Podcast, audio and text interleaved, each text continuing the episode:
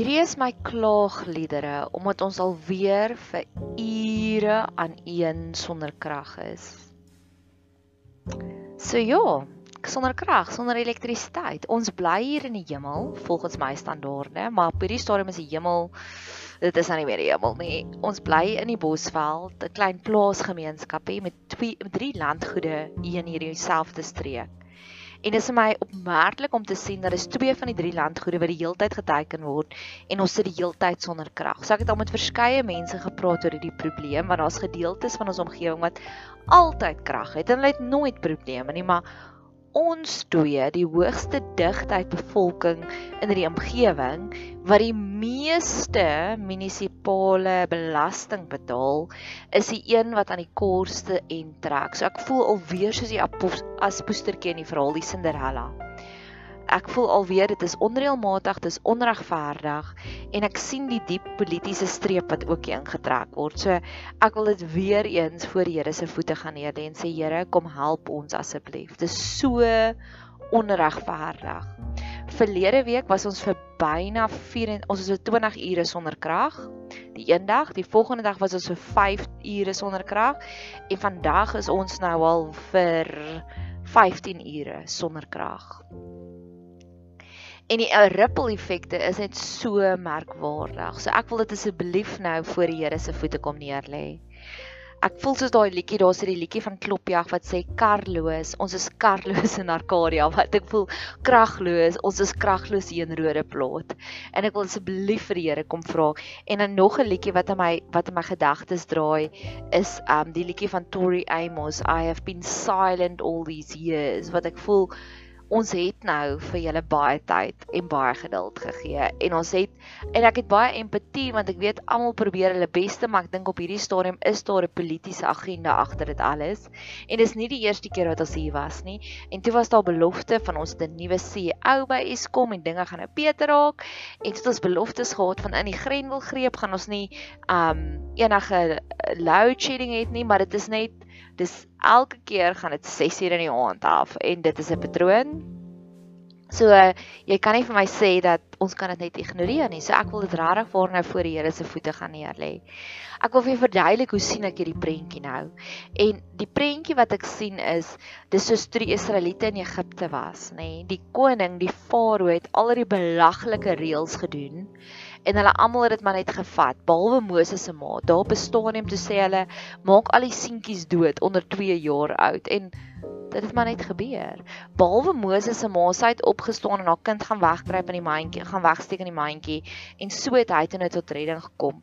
So daar was dit die genocide wat toegelaat is onder die buiteperd, onder die underdog versus Moses maak 'n Egiptenaar dood wat hy eintlik verdien het want hy was vieslik met die Israeliet. En Moses skrik so groot dat hy gaan hardloop en hy gaan kruip weg vir 40 jaar lank in die woestyn. En dis wat ek ook nou voel is ek voel Here dit voel vir my ons is regtig waar weer terug in Egipte land is.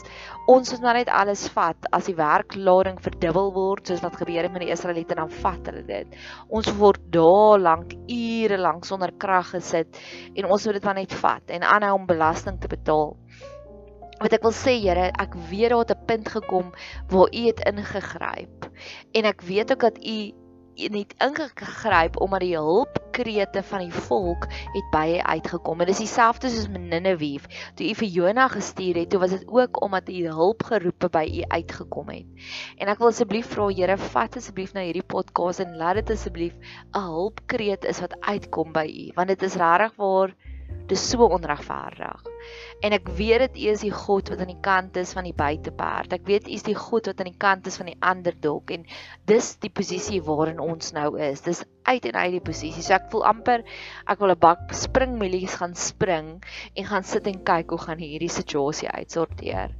Want die ripple effekte soos ek gesê het wat hier uitgaan Die eerste ding wat hulle vir ons gereeld sê is hulle sê dis omdat daar onwettige konnektasies geplaas word op ons lyn en dan maak dit dat die substasie die hele tyd uitbom. Nou Eerste van alles, hoeveel keer moet dit nou nog gebeur voordat iemand iets daaromtrent gaan doen? Jy besef mos nou dat hierdie is 'n kilesiel.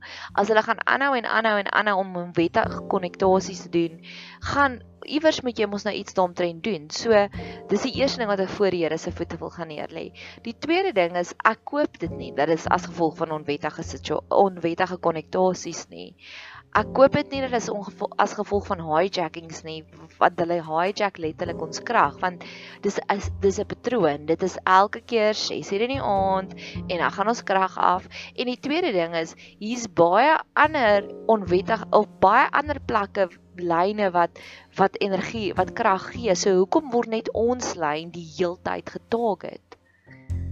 En as ons ook kyk na die demografiese samestelling, kan ek die dieper politieke spel sien want ons twee, die twee landgoedere wat die heeltyd geteikend word, is die mees Afrikaanste boeregemeenskap in hierdie omgewing. Die ander landgoedere het verskeie ander kulture wat daar bly. So dit dit maak my net dink dat weer eens glo ek dis 'n rassistiese ding.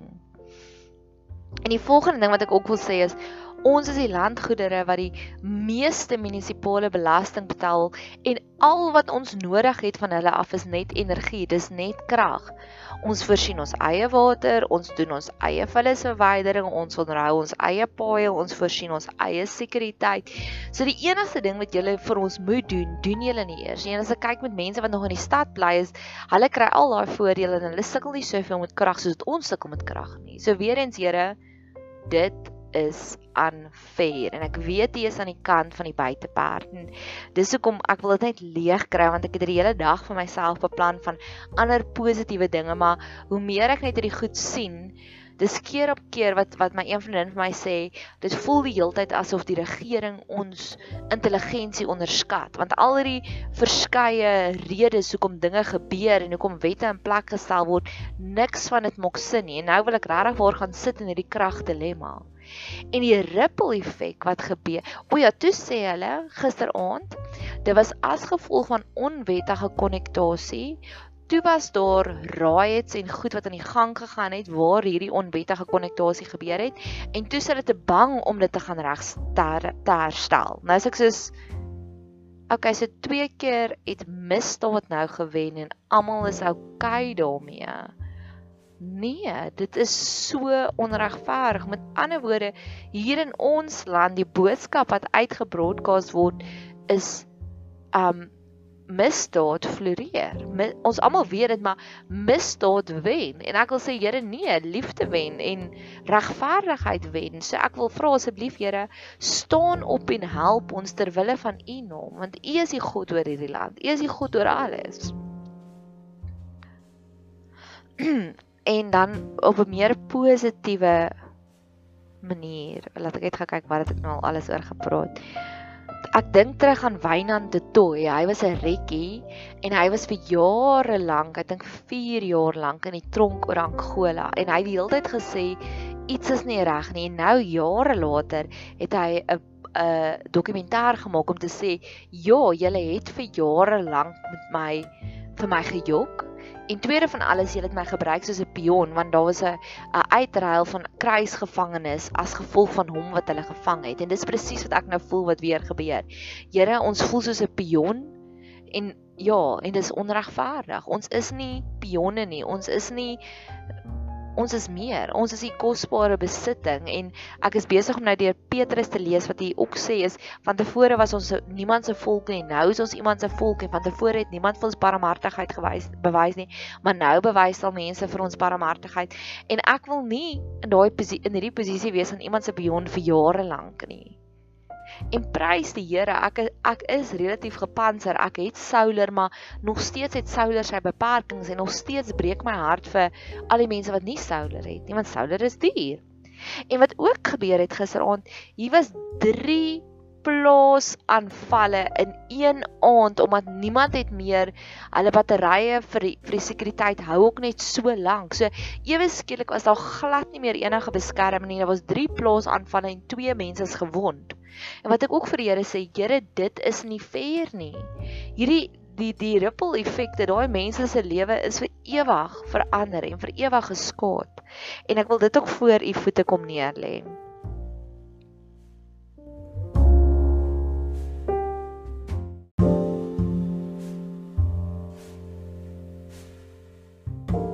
Ek kan ek kan verstaan hoekom plekke soos Urania bestaan want dadelik wat ver oggend gebeur het op ons groepie na al die rant en rywe en ek kan sien almal is gefrustreerd want dit is nie die eerste keer was dit ek is nie lekker nie maar as dit al 3 keer in 1 week gebeur raak mense gefrustreerd. En ek kan besef ons is sterk op pad na plekke soos Urania toe. Elke plek elke een van ons, soos ek gesê het, is ons verwag geen meer dienste van die munisipaliteit nie behalwe vir elektrisiteit.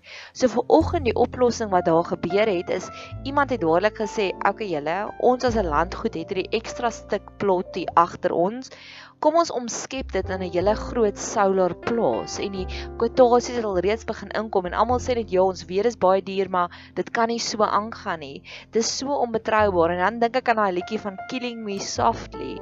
Ek dink nie die regering besef hulle is besig om hulle eie ekonomie killing them softly nie. En baie keer moet jy so 'n bietjie die harde besluit maak vir 'n kort termyn om te sê maar ons gaan opstaan vir dit wat reg is se help hulle Here. Ek ek ek voel regtig waar help hulle. Help die regering. En dan die volgende een, ek het ek het 'n paar oplossings wat ek ook hierso het is killing me softly weer eens wat ek ook wil neergaan lê by die Here se voete om te sê Here, onthou U vir Lazarus. Onthou U hoe toe jy hom uit die dood uit opgewek en die vertroue skade wat nou gebeur, juis nou is fenomenaal groot. So ek wil graag die Here kom help ons asseblief soos die Lazarus kom bring daar weer dinge uit die lewende uit die uit die stof uit op laat ons weer ja want die die skeiding raak dit al hoe groter. Ek sien dat die volgende stap is as hulle ons nie gaan help nie en ons gaan die solar plaas daar vorm weet ek dat daar gaan 'n punt kom wat almal gaan sê maar hoekom betaal ons nog belasting? En ons gaan ophou daarmee. En ja dis is dit dit is 'n dis 'n negatiewe pad waarop dit alles afgaan En die volgende hier is drie oplossings wat ek graag wil gee vir die Here. Die eerste oplossing is dis 'n dit is 'n um dis drie oplossings wat werklik waar gebeur het in die afgelope ruk. En soos jy kan hoor ek hakkel so 'n bietjie want ek is regtig waar ontstel. In ons estate waar ons bly, in die landgoed waar ons bly, is die wilde diere en op 'n stadium het een persoon besluit dis nou maar sy eie plaas hierdie en hy die wild, wild verwyder en dit was 'n bietjie 'n belaglike korrupsie spel en dan vat hy die wild wat hier verwyder word na sy eie plaas toe. En toe die res van die van die inwoners het so effens in opstand gekom daaroor en toe het hulle hierdie goue middelweg bevind wat hulle gesê het goed kom ons skryf 'n nuwe dokument om te sê dis hoe dit van hier af vorentoe gaan. Ons gaan baie meer deursigtig wees. Ek het die hele tyd die woord transparency transparency gesien daarop om te sê en toe het ons toe die plaas bestuurder, die landgoedbestuurder het afgesluit met die mooiste uh, boodskapie wat hy gesê het. Ja, hierdie is 'n span poging en dan dankie vir almal se se input daarin. So ek het ek voel soos daai liedjie weer eens um van I've looked at life from both sides now.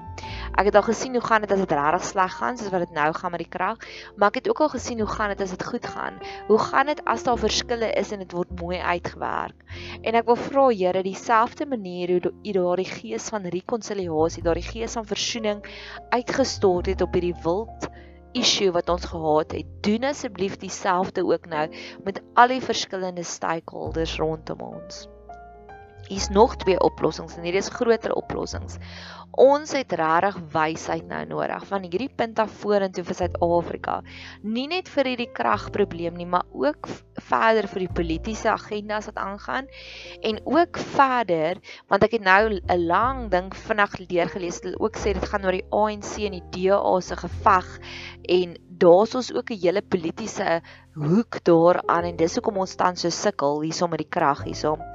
En daar daar's hierdie situasie van ek het by UCT event management geswat 'n nagraadse diploma. En een van die van die tesisse wat ingedien was is UCT, die kampus het 'n klein begin raak. So toe sê die besigheidskool, hulle gaan 'n satellietkampus iewers begin. En hulle het hierdie projek gegee vir MBA studente om te sê, vind vir ons die mees finansiële conducive plek om om die nuwe kampus te begin. En een van die studente het 'n ou museum en 'n tronk vir die slawe geïdentifiseer in die W&A Waterfront. En hy het gesê hierdie museum is besig om glad nie geld te maak nie. So kom ons kry 'n hotelgroep aan boord. Die hotelgroep bestuur die hospitaliteit, die die die akkommodasie vir die studente, so die studente bly daarso. Die museum hou aan, hy trek toeriste en die universiteit huur hierdie hierdie persele van die museum af. En so het hulle 'n amper sterwende besigheid omgedraai in 'n floreerende besigheid. En almal was gelukkig. Dit was 'n absolute simbiotiese verhouding. In biologie leer, leer ons van 'n parasitiese verhouding en dis waar ons tans is na 'n simbiotiese verhouding toe. En ek wil vir die Here vra net soos wat u daardie persoon, daardie student bekragtig het met daardie gees van wysheid.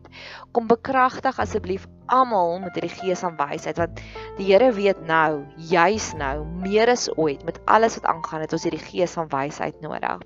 En ek wil graag die volgende uitspreek oor almal wat tans betrokke is met hierdie hele situasie. Eksodus 31 vers 2. Kyk, ek het Besaleel, die seun van Ur, die seun van Hur, die stam van Juda by sy naam geroep. En ek het hom vervul met die gees van God, met wysheid en verstand en kennis en bekwaamheid vir allerlei werke. So Here vir elke liewe persoon wat tans besig is in hierdie groot politieke mes en ek is so dankbaar ek hoef nie al die ins en outs en intriges te ken nie wil ek hulle almal asseblief opdra en en sê vir hulle gee hulle asseblief daardie gees van wysheid en daardie gees van verstand en daardie gees van bekwaamheid en daardie gees van kennis die gees van God En dan dink ek ook aan nog 'n oplossing. Terwyl ek geswat het die eerste keer, interessant kan beide vir my studies te verwys terwyl ek nog geswat het by by Tikkies, het ons Joel gedoen. Nou Joel staan vir jou onbaatsigtige opoffering vir liefdeoorigheid.